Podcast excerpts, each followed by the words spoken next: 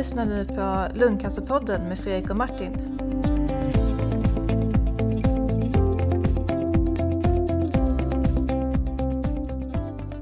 Hej och välkommen till Lungcancerpodden. Det var ett tag sedan vi hördes känner jag och flera oroliga röster har höjts här och undrat var vi har tagit vägen. Hur är läget Fredrik? Ja, jo tack, det är bara bra höll jag på att säga, men jo men nästan bra faktiskt. Ja. Man är uppe och går och solen är uppe och ja, det är, ja, men det är härligt. Schysst. Ja, Vad bra. faktiskt. Ja, hur är det med dig?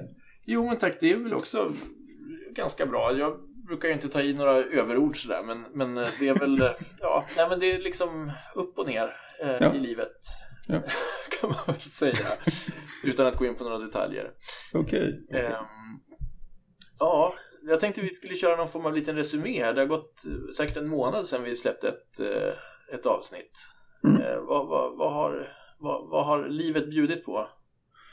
Ja, mycket får man säga. Det har varit en hel del ut och resa. Eh, och det kanske vi kan prata om nästa avsnitt, men, men eh, och eh, alltså, vi har rest massa i Sverige också. Vi har haft vänner nere från Stockholm här i, i Skåne och varit ute på Österlen och Kivik och, och Brösarp, har ni varit Ja, äggakaka? Ja.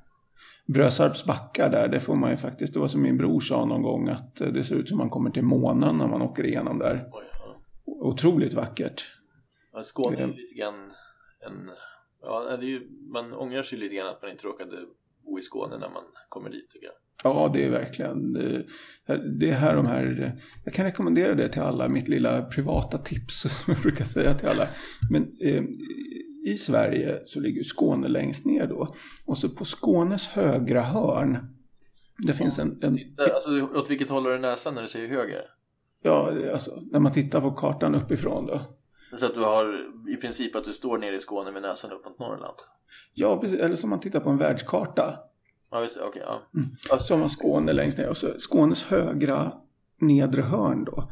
Eh, där finns en massiv sandstrand som heter Sandhammaren som är Ja, det finns ingenting egentligen i, i hela Sverige som kan jämföra sig med den och knappt utomlands får jag säga för att det är, man tror att man är liksom på Bahamas eller någonting när man kommer ut på den där alltså i Härnösand finns det ett ställe som heter Smitta, eller Smitingen, som faktiskt Okej. är rätt grymt också. Det kanske inte riktigt går upp mot det där, men, men det låter lite liknande. Det är kallt i vattnet i och för sig. Ja, ja just det. Ja, det, ja, det, jag menar, det är i alla fall eh, fantastiskt, kan verkligen rekommenderas. Så, så att om man har eh, lite semesterplaner och sådär, då tar man och åker ner eh, E22 och så Oskarshamn och så Karlskrona och så åker man hela Blekingekusten. Eh, och sen så vid Kristianstad så kryssar man ner, eller efter Kristianstad så kryssar man ner eh, på småvägar. Så tar man eh, Brösarp, eh, Brösarp backar, Kivik Brantevik och sen Sandhammaren och sen så har man Kåseberga på sydkusten och så har man Ystad och, och, och vad heter den, Smygehuk.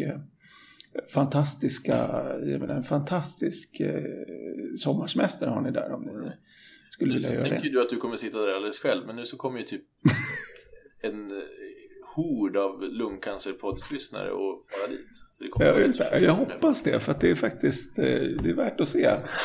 Gör det. Vi ha någon, ha någon happening där. Ja, just det. Vi kan grilla allihopa om ni hinner. Trevligt. Ja, Självklart vi tar. ja, ja visst. Jaha, shit, Ja, vad har jag gjort? Jag har jobbat som en galning. Det har varit sjukt mycket jobb. Ja, det, det är liksom min anledning till att jag har smitit undan eh, podd, poddandet. Mm. Det har varit helt galet mycket. Man bara Ja. inte ens vågar titta i kalendern för att det är så mycket olika saker som ska göras hit och dit. Okej, du du menar nya grejer att köra in på, på avdelningarna och sådär? Föreläsningar och, och små på, ja, jag vet inte vad det är, massa möten och grunker sådär som man bara har råkat tacka ja till för ett halvår sedan och som helt plötsligt alla hamnade typ i maj eh, och eh, man undrar hur fasen man tänkte när man råkade tacka ja till dem. Just Det är det. liksom bara tänk- borra, borra ner huvudet och, och köra och hoppas att man kommer ut på andra sidan. det. Det var då man tänkte så här, äh, det är ju inte förrän i maj. Ja men exakt, exakt. Och typ såhär, nej men titta jag har ju en ledig tisdag där, det blir ju bra, då kan jag göra det då. Men jag, det har varit alldeles för mycket så jag, jag har faktiskt, jag har kommit in i någon form av sån här nästan eh, jag håller på att liksom få någon form av livsuppenbarelse. Så där. Det är ju inte det man, det är inte därför man det är ju sånt som du har pratat om, att så här, fast man måste ju kunna säga nej och, och Ja, foka lite grann på det som är viktigt. Ja. Och jag tror kanske att jag börjat komma fram till det. där. Ja, det där klassiska, man, man jobbar ju för att leva, liksom inte tvärtom. Nej, precis. Ja. Eh, Men det är klart, det, det är kul att jobba också. Speciellt. Det, eh, finns ju sina, det finns roliga saker, absolut. Men, men när, just när man kommer på att det bara blir att, man, ja, att det blir tvång och, och det blir Mm. så mycket så att man känner att man inte gör någonting riktigt så bra som man skulle vilja. Då, Ja. då, då tappar man liksom geisten på något sätt. Meningen med semester kanske? Ja, Åka på en lång Skånetur eller? ja just det. Precis. Vi har sjösatt vår gamla träbåt. Den ska Okej. förhoppningsvis kunna få jobba lite grann i helgen. Det ska till och bli 22 grader. Vad härligt. Ja, så om vi lyckas övertala barnen att åka båt så kanske det blir en liten båttur i helgen. Okej. Eh, det Förra året så låg den i hamnen hela året för att den var trasig. Eh, det känns så sjukt värdelöst att vara båtägare om man typ bara måste typ vårrusta och sen sjösätta och sen ha ångest hela sommaren för att man har en trasig båt och sen ta upp båtjacken och så hålla på och bygga ett himla tält åt den. Ja, just det. Ja, det. Jag minns, jag växte ju upp med båt eh, faktiskt. Min pappa byggde en segelbåt när jag var liten. Och sen så, eh, så körde han den lite och sen så köpte vi motorbåtar. Så det, liksom, det säger väl lite om liksom, min far också. Han, han, han gillar liksom mer att vara på eh, liksom, skärgårdsön än att ta sig dit kanske. Eh, så att, men men eh, det är ju fantastiskt roligt med båt, men just som du säger det här med att liksom hålla på och skrapa sådana här snäckor som sitter under och bottenmåla och det är mycket jobb, det är det. Det blir en del.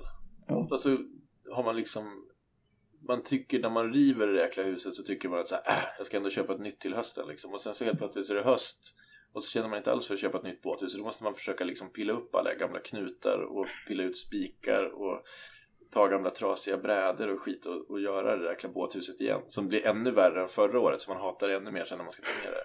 Det är liksom en ändlös eh, utmaning. Ja, ja.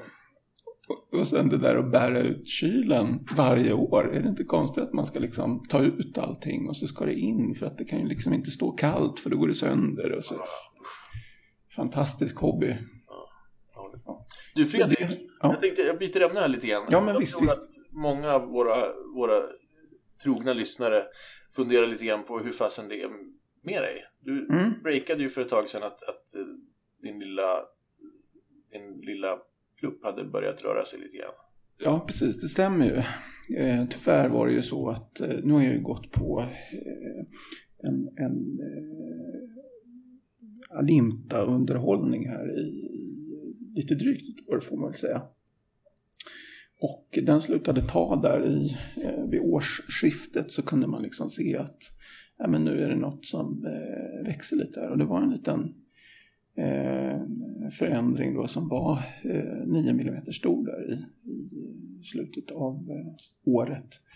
Och eh, nu på senaste eh, tomografin då kan man se att den där har blivit eh, eh ja, 11 mm så att den har växt liksom lite lite så att eh, Alimta-behandlingen har ju, den gör ju effekt förstås då.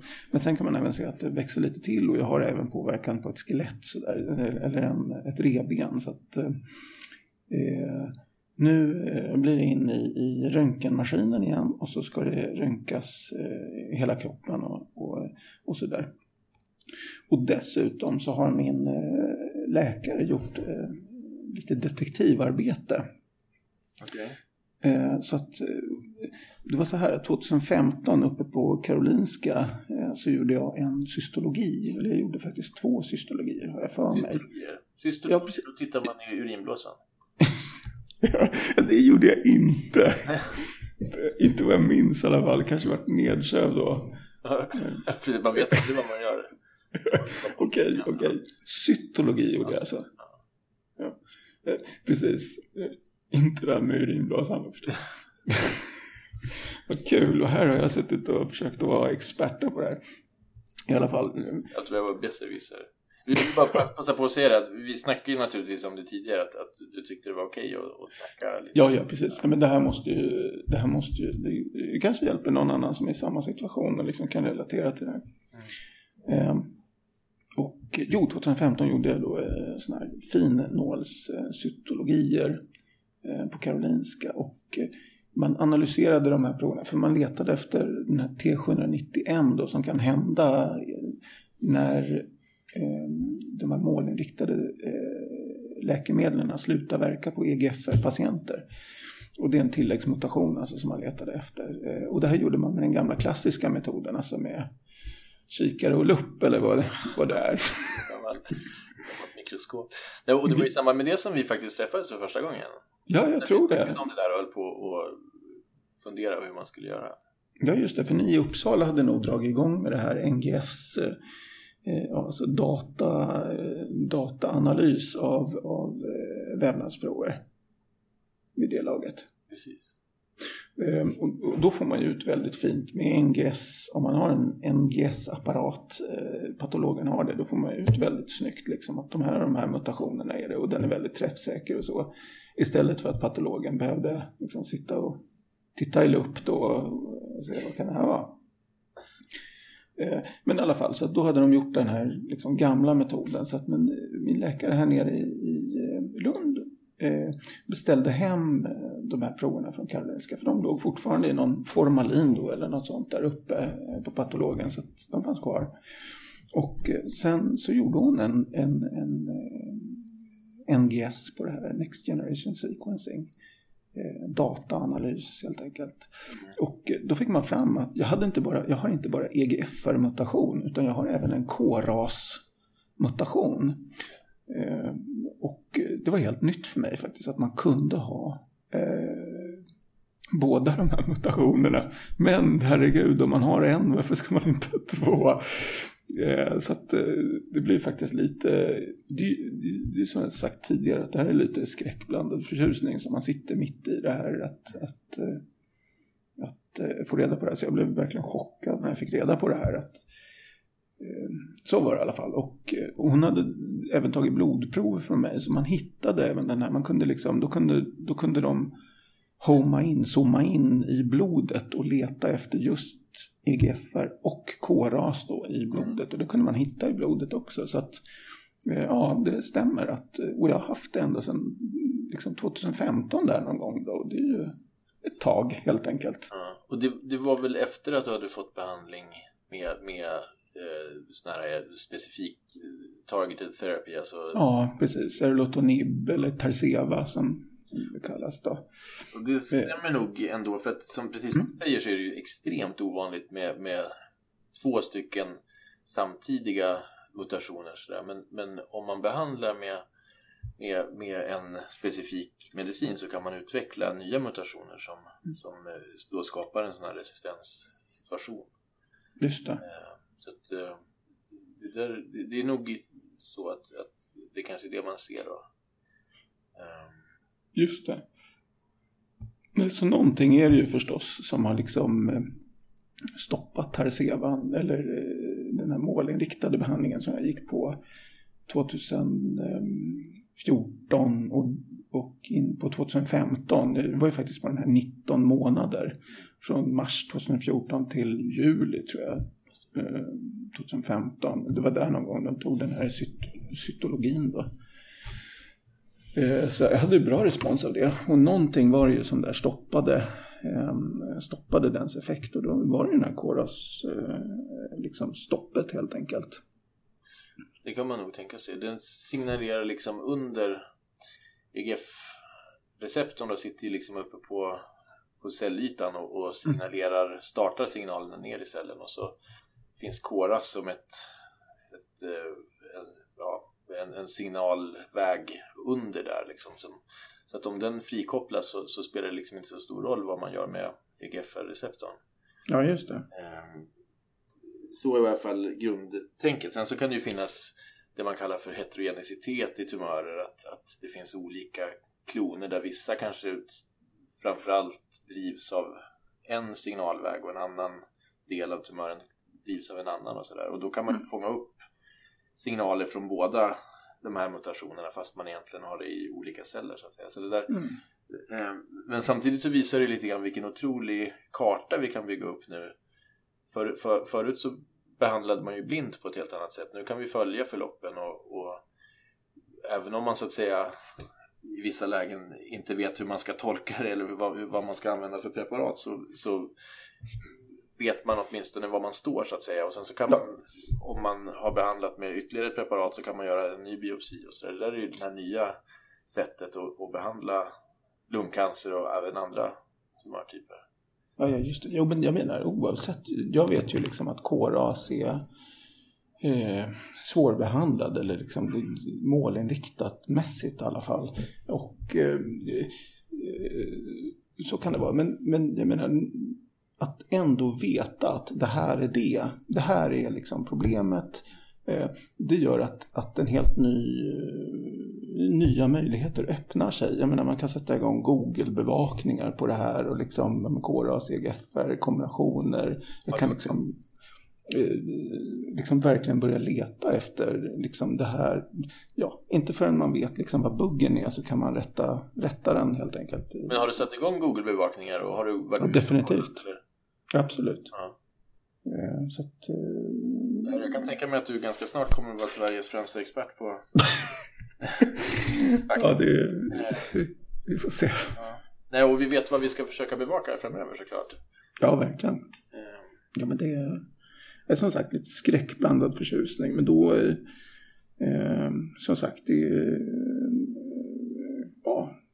det är vad det är. Och det, jag menar, det här har ju varit en kamp eh, i, sen 2000, eh, jag menar hösten 2013 som jag fick min diagnos. Mm. Och jag menar, jag sprang ju, alltså jag sprang ju Stockholm Marathon med lungcancer innan jag var sjuk. För jag kände ju verkligen där att det var på våren 2013 faktiskt som jag kände liksom att det var att det blev utlöst. Men sen hade jag haft ont i, i liksom bröstet precis över där liksom eh, huvudtumören var i säkert ett par år innan som jag liksom inte hade, hade börjat skitit i.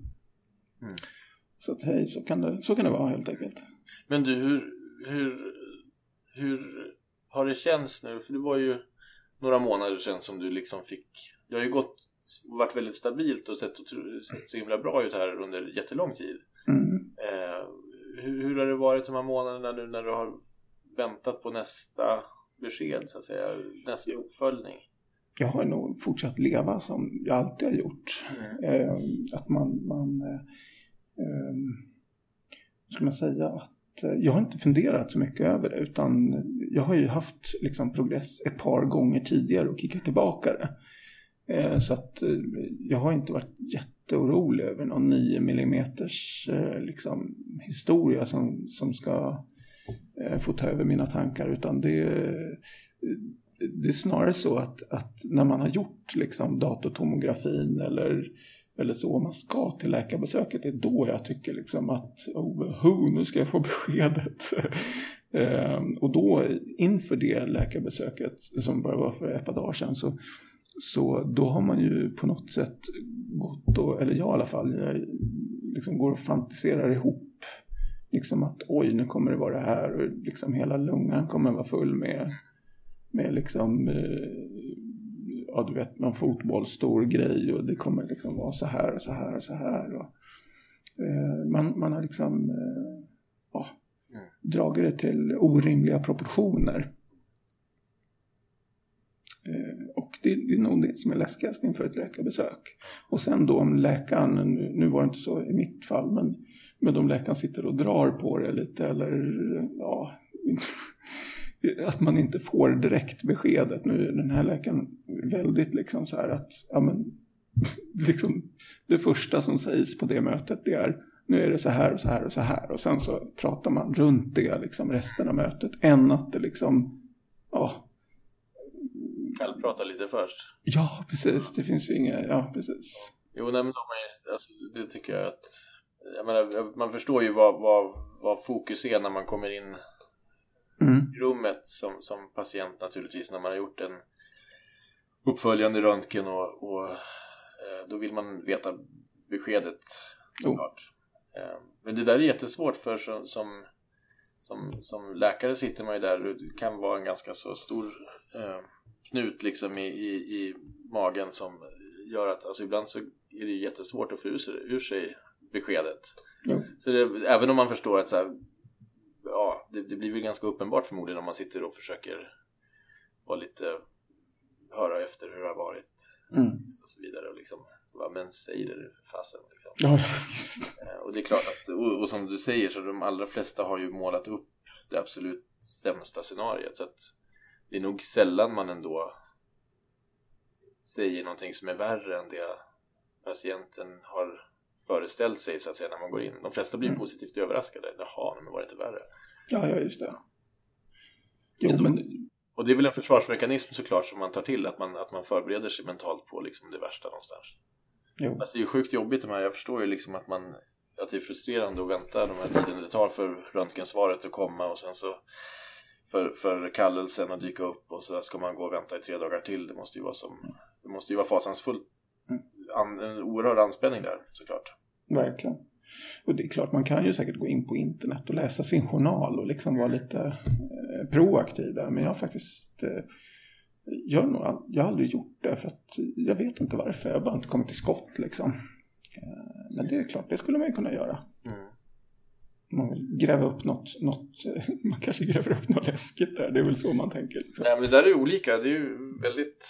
Eh, det, men det, för de som gör det och får positivt besked i journalen, då slipper man ju den där ångesten. Ja. Såklart. Men, men samtidigt så finns det ju de som får tråkiga besked i journalen också och då måste vänta någon dag eller så för att kunna få kontakt med sin, sin läkare och få de här svaren. Och, och det kan ju vara jäkligt traumatiskt naturligtvis. Ja, det. Så att det, det är lite tvegat det där. Men, men generellt sett så är jag väldigt positiv. Alltså just det att har man en sjukdom så är det ju faktiskt ens egen sjukdom någonstans. Alltså, eh, man måste få ha kontroll. Vill man ha kontroll så måste man få ha kontroll. Det är ju, eh, jag menar, man kan ju följa sin... När man beställer någonting på internet så kan man följa sitt paket liksom från varje terminal hela vägen. Liksom, eh, få live-uppdateringar på, på iPhone. Liksom. Eh, lite kan man ju tycka att det kan väl vara rimligt kanske att har man varit och röntgat sig för att man är- vill veta hur man mår så, så borde man få reda på det. Ja, Om man känner sig beredd att ta det. Det är ju det som är det viktiga. Att man måste vara medveten om att man utsätter sig för en viss risk också att, att bli, ja, hamna i kris och så. Jo. Det är klart att det är väldigt allvarliga saker också. Ja. Det var faktiskt en gång jag var hos läkaren och eh, läkaren märkte att jag blev, eh, vi pratade om, jag hade röntgat skallen. Och jag har ju inte haft eh, historiskt då några eh, förändringar i skallen. Som vissa får. Jag tror att det är eh, eh, andel och så ska jag inte gå in på. Men, men vissa får det. Eh, och eh, jag var så jäkla orolig över det där liksom. Eller, ja, har det hänt något i skallen?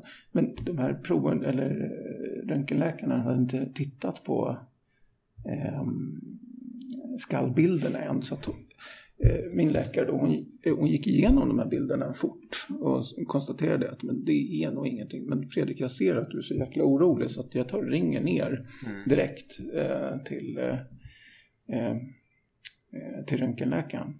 Eh, och han tog en titt på det också och liksom kunde konstatera då att nej men det här är ingenting. Eller han hade redan tittat på det eller vad, svaret hade liksom inte mejlats upp eller hur det där går till.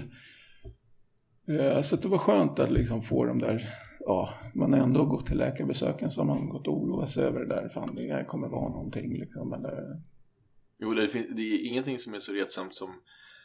Det är ju inte vi doktorer som sköter liksom bokningar och så, utan det är ju sånt som man säger att boka in patienten då F, ja, om cirka tre månader när röntgen är utförd. Och ibland då så blir det ju så att det blir en bokning och sen så har man inte fått svar och, och då kan man ju försöka titta själv och sådär men ibland kan det vara jättesvårt att, att tolka bilderna och sådär. Att, att då inte kunna leverera ett riktigt besked till en person som har kommit med liksom egentligen bara det som, som fokus för ett möte det, det är ju oerhört frustrerande för, för alla inblandade naturligtvis. Eh, inte, och allra mest såklart den som är patient men men, eh, och- men tyvärr så är det ju sånt som händer och, och det, man känner ju liksom att så här, det här vart ju verkligen misslyckat besök. Just det där att man liksom går därifrån med samma osäkerhet i princip som, som man hade när man kom. Mm. Och för att fortsätta då vara nervös och gå omkring och vänta kanske på ett telefonsamtal eller ett brev och hoppa till varenda gång man hör telefonen ringa med, med dolt nummer. Ja, just det. Just det. Så är det någon försäljare från, från Malmö som ska sälja Nationalencyklopedin. ja, just det. Jo, nej men så är det ju. Och, eh, nej, de där läkarbesöken, de är faktiskt... Eh, eh, ja, man går och laddar inför varje liksom. Och det är dumt egentligen. För att då kommer man ju få reda på liksom, ja men handlingsplan och så här gör vi nu. Och nu ändrar vi lite här eller vi gör det här eller det här. Och det är ju... Eh, ja, det är ju bra på något sätt. Och, och, och få mer info. Det, jag menar, det finns ju egentligen inget dåligt i det. Men det är klart, det är, det är jobbigt att veta att, eh, Eh, att det växer. Men det har jag vetat egentligen sedan januari. Så att egentligen undrar man ju varför man hoppar upp sig. Liksom. Så är det väl. Man är, man är så. Lite shoppig. Ja. Nej, men som sagt var, det är ju fantastiskt tycker jag att, att du orkar vara så öppen med, med din story liksom. För det tror jag, det är ju unikt naturligtvis att kunna prata om det så här och, och kunna, dina erfarenheter är ju universella på något sätt. Alltså alla som har varit med i den här situationen eller riskerar att vara med i den. Jag tror att det finns en otrolig värde att, att du orkar dela med dig av det. Mm. Det är fantastiskt och det, det är otroligt lärorikt även för mig så att säga att få höra din din story från ett annat håll än den man normalt sett hör den från så att säga. Där man sitter bakom ett skrivbord och är professionell på något sätt. Nu sitter jag vid ett skrivbord förvisso men, men är, är, men är, är liksom polare. Ja. Eh, och det, det är en helt annan... Du vet ju, jag menar jag är ju alltid helt eh, tagen när jag hör din story. Så där. Det är liksom, att höra en vän berätta det där, det är så otroligt starkt. Fast man jobbar med det hela tiden liksom. Ja, jag, jag förstår. Det är lite annat kanske. Ja, men det, eh, jag tycker att ändå det känns bra och det finns, eh, det är väl där, ja, det, den obotliga optimisten, men herregud, det, har ju, det händer så mycket och sådär och det låter som en klyscha, men, men, eh, men, ja, men nästa avsnitt kan vi väl prata lite om det, om, om Absolut. Om, Om allt som är på gång. Ja, för faktiskt, vi har ju varit ute och rest lite. Det har vi gjort. Ja, men vi säger att nästa avsnitt så snackar vi lite, lite möten och resor och lite vad som är på gång framöver här. Ja. Och sprider lite jävlar anamma igen. Ja, nu gör vi det här. Du, Fredrik. Ja. Jäkligt schysst att, att snacka lite grann med dig igen. Ja, detsamma, detsamma. Så att vi har lugnat alla oroliga lyssnare. Ja, för alla båtmotorer som kan gå fel och så. Ja, men precis. Och, och jag, jag är okej. Härligt. Nej, men, ja. ja, fantastiskt. Du, ja, vi hörs. Ja, det gör vi. Tack hej. för Tack, hej, hej. hej. Tack för att du lyssnade på Lungcancerpodden med Fredrik och Martin. De senaste avsnitten hittar du alltid på lungcancerpodden.se eller i din podcast-app.